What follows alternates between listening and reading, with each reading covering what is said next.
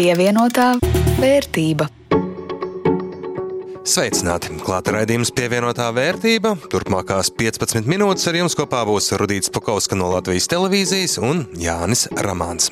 Šodien parunāsim nedaudz par kriptovalūtām un naudas tehnoloģiju lietām. Un, protams, arī par to, kas notiek Baltijas biržā un mūsu ieguldījumu portfeļos, bet vispirms par aktuālo. Pievienotā vērtība. Sāksim ar to, kas aktuāls katram maciņam - apkuri un elektrību. Apkuras sadārdzinājuma gadījumā mazāk turīgām mājsaimniecībām samazinās rēķinus, tā lēma uzsājuma. Atbalsts nav plānots piemērot patstāvīgi visā apkuras sezonā, bet gan piešķirt situācijās, kad tiks konstatēts energoresursu cenas ārkārtējs pieaugums biržā. Atbalsts būs automātisks, ja izmanto centralizēto siltumapgādi, bet citiem būs tas jāprasa pašvaldībām un pienāksies tiem, kuru izdevumi par mājokli pārsniedz 30% no mājsaimniecības kopējiem ienākumiem. Centrālās statistikas pārvaldes dati liecina, ka atbalstam varēs kvalificēties 40 līdz 50% mājsaimniecību. Kā viss precīzi notiks, to jau regulēs ministru kabineta noteikumi. Elektrības sadales tarifa daļas kāpumam savukārt noteikti griesti nākamajiem diviem gadiem. Atkarībā no pieslēguma veida maksa par pieslēgumu nedrīkstēs pieaugt gada laikā ne vairāk par 2 līdz 6 eiro. Rezultātā sadalījuma operātori neiegūto peļņu kompensēs valsts 50 miljonus eiro.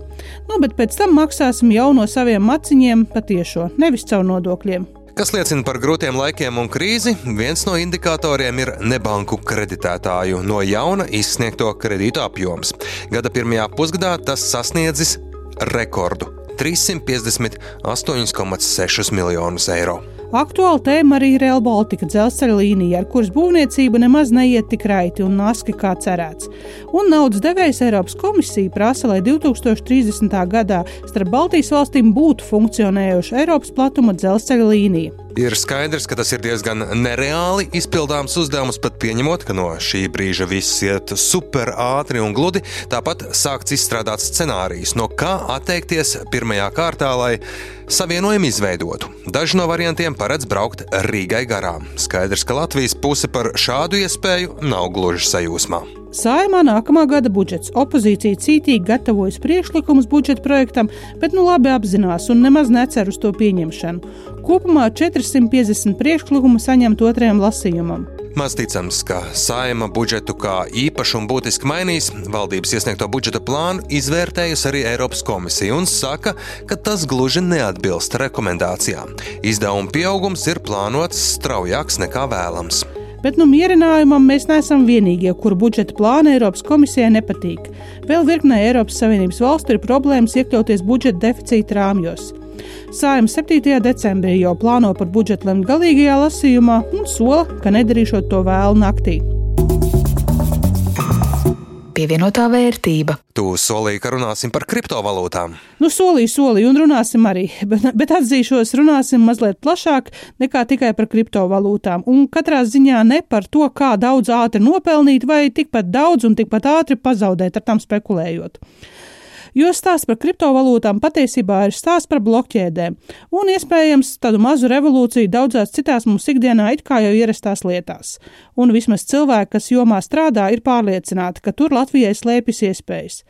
Anatolijas Resins uzņēmumu, kas specializējas tieši blokķēžu tehnoloģiju ieviešanā, blokvis vadītājs uzskata, mēs to varam.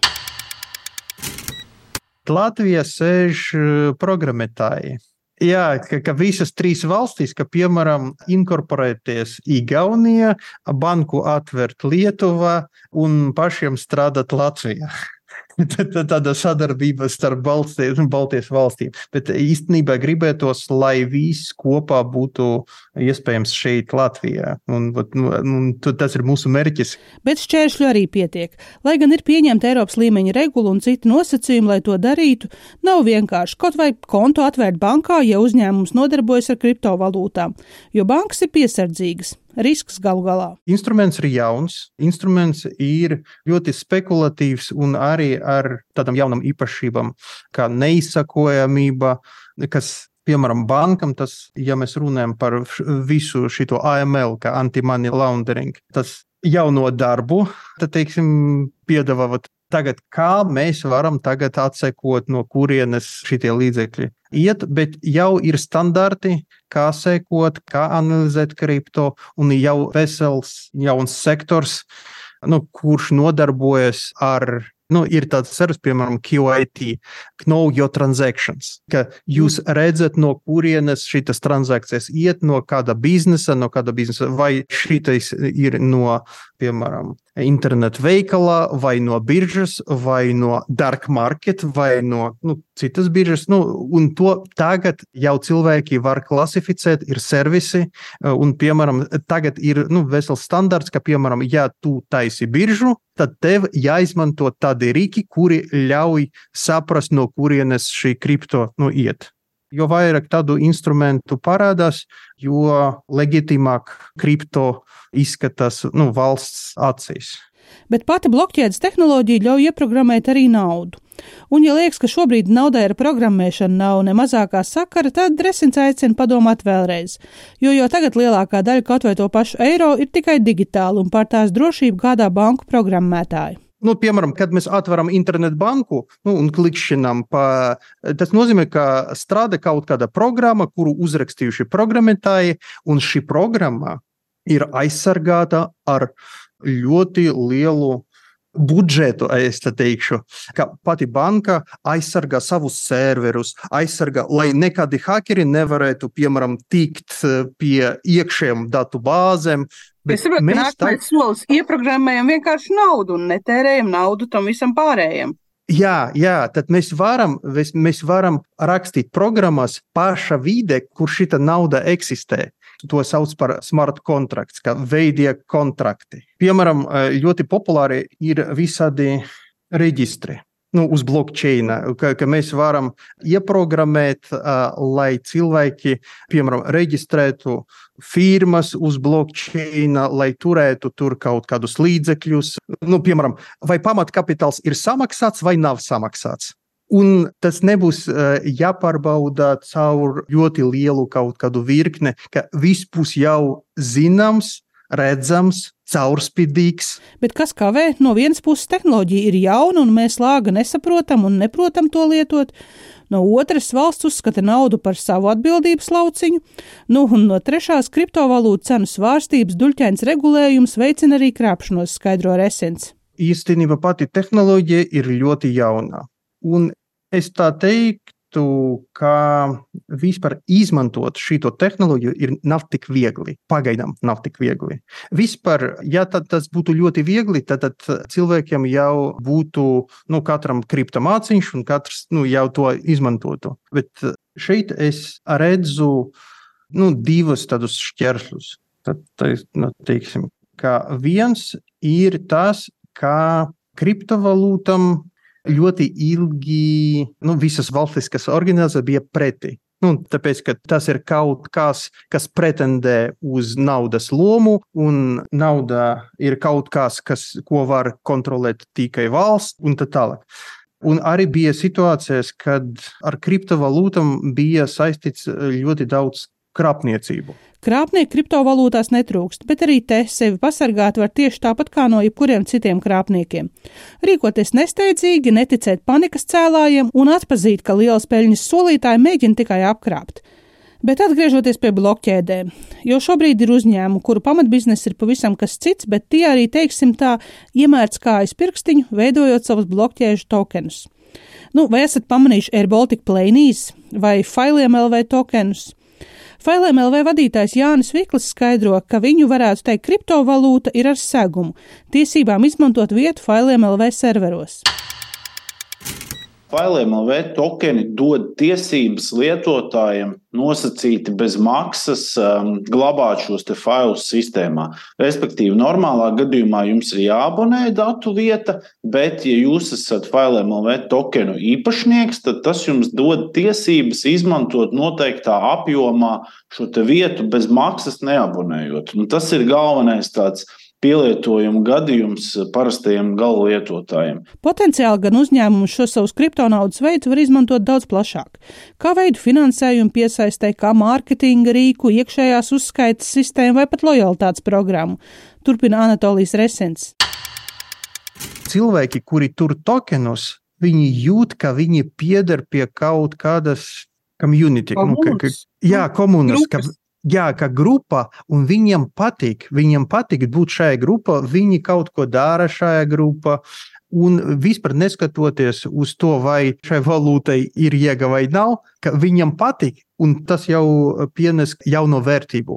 Bet, ja ir kaut kāds produkts, reāls produkts, Tātad community plus produkts plus tokens, viņš ļoti labi strādā, nu, kā mārketingam, un cilvēkiem patīk tērēt nu, šitos tokenus. Šobrīd gan Failiem LV savu kriptovalūtu aktīvi nereklamē. Gaida, kad būs lietotāji gatavāk šādam piedāvājumam un kad transakcijas maksas kļūs zemākas. Tomēr viņiem ir skaidrs, ka nākotnē tas ir viens no rīkiem, ko var un vajag lietot, saka uzņēmumu vadītājs. Tagad uh, mums tā pēcgarša ir tāda, ka mēs līdz šim, jebkurā gadījumā, saredzam un saprotam tur reālu pielietojumu. Viņš ir, būs un noteikti kripto nekur nepazudīs un blokķēdes tehnoloģija. Tikai katrai šai te tehnoloģijai, līdzīgi kā datubāzes vadības sistēmas, ir konkrēts pielietojums. Tā nav panacēja visām problēmām, visiem risinājumiem, bet konkrētos tas ir pielietojums arī mūsu gadījumā ir un būs turpmāk. Jā, bet kas tad īsti ir blokķēde? Atzīšos, ka neriskēšu mēģināt to izskaidrot, bet iespējams tas nemaz nav tik svarīgi. Ikdienu gan es, gan ik viens no mums lietos simtiem un pat tūkstošiem lietu, kurām neizprotu visas sīkākās darbošanās detaļas. Vai es varu izskaidrot niansēs, kā braucot auto varat klausīties pievienoto vērtību? Tehniskās detaļās nevisai labi, bet tas netraucē man paļauties, ka viss notiks un mūsu teikto sadzirdēs. Resens saka, viņi cer, ka kādreiz tāpatās būs arī ar blokķēdēm.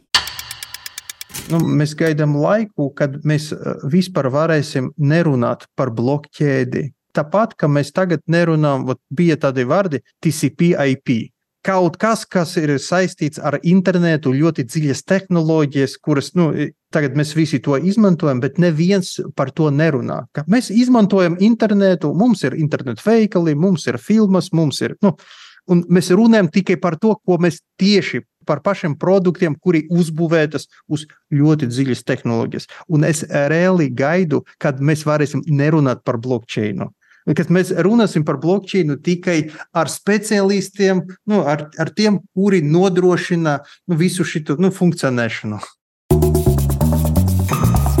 Pievienotā vērtība. Bet kas tad notiek Baltijas biržās, jo tuvāk dienvidiem, jo lielāki plusi? Jā, Lietuvā pieaugums plus 0,79%, Rīgas Omiks biržā var teikt pozitīva nulle, pieaugums par 0,01%, bet Tallinā kritums tur 0,68% mīnusā. Redzēsim, kā mūsu portfeļi mainījuši vērtību. Iepriekš pāris reizes gājām pretī tirgus tendencēm. Mana portfeļa vērtība turpina sarukt divu nedēļu laikā pazaudēti ir 10 eiro sāpīgākais sitiens maniem ieguldījumiem - saftehnikas straujais akciju cenu kritums, tāpat arī virkne citu pozīciju ar nelielu, nelielu mīnuszīmi, bet kopā plusos sanāk diezgan padaudz. Vienīgais pozitīvais stariņš, ka pēc ilgiem laikiem Tallink akciju vērtība ir plusos un salīdzinot ar iegādes brīdi pandēmijas pirmā gada beigās. Šobrīd kopējā portfeļa vērtība mazliet virs psiholoģiskās robežas - 402 eiro un 12 centi. Kā tev? Nu, man jau sāk palikt nērti atzīties, ka aizdītajās divās nedēļās man ap 5 eiro plusā. Lielu kāpumu, protams, nav, tur pa procentiņam šur tur un arī izmaksāts linos agro dividendes. Tā rezultātā portfeļa šā brīža vērtība ir 447 eiro un 1 cents. Pievienotā vērtība. Ar to arī izskan šīs pirmdienas raidījums pievienotā vērtība. To jums veidoja Jānis Ramāns un no Latvijas televīzijas Rudīts Pakovska. Par skaņu rūpējās Kaspars Groskops. Atgādinu, ka šo un visus iepriekšējos vairāk gadu garumā raidījumus var dzirdēt Latvijas radio arhīvā, raidierakstu vietnēs un arī Latvijas radio aplikācijā.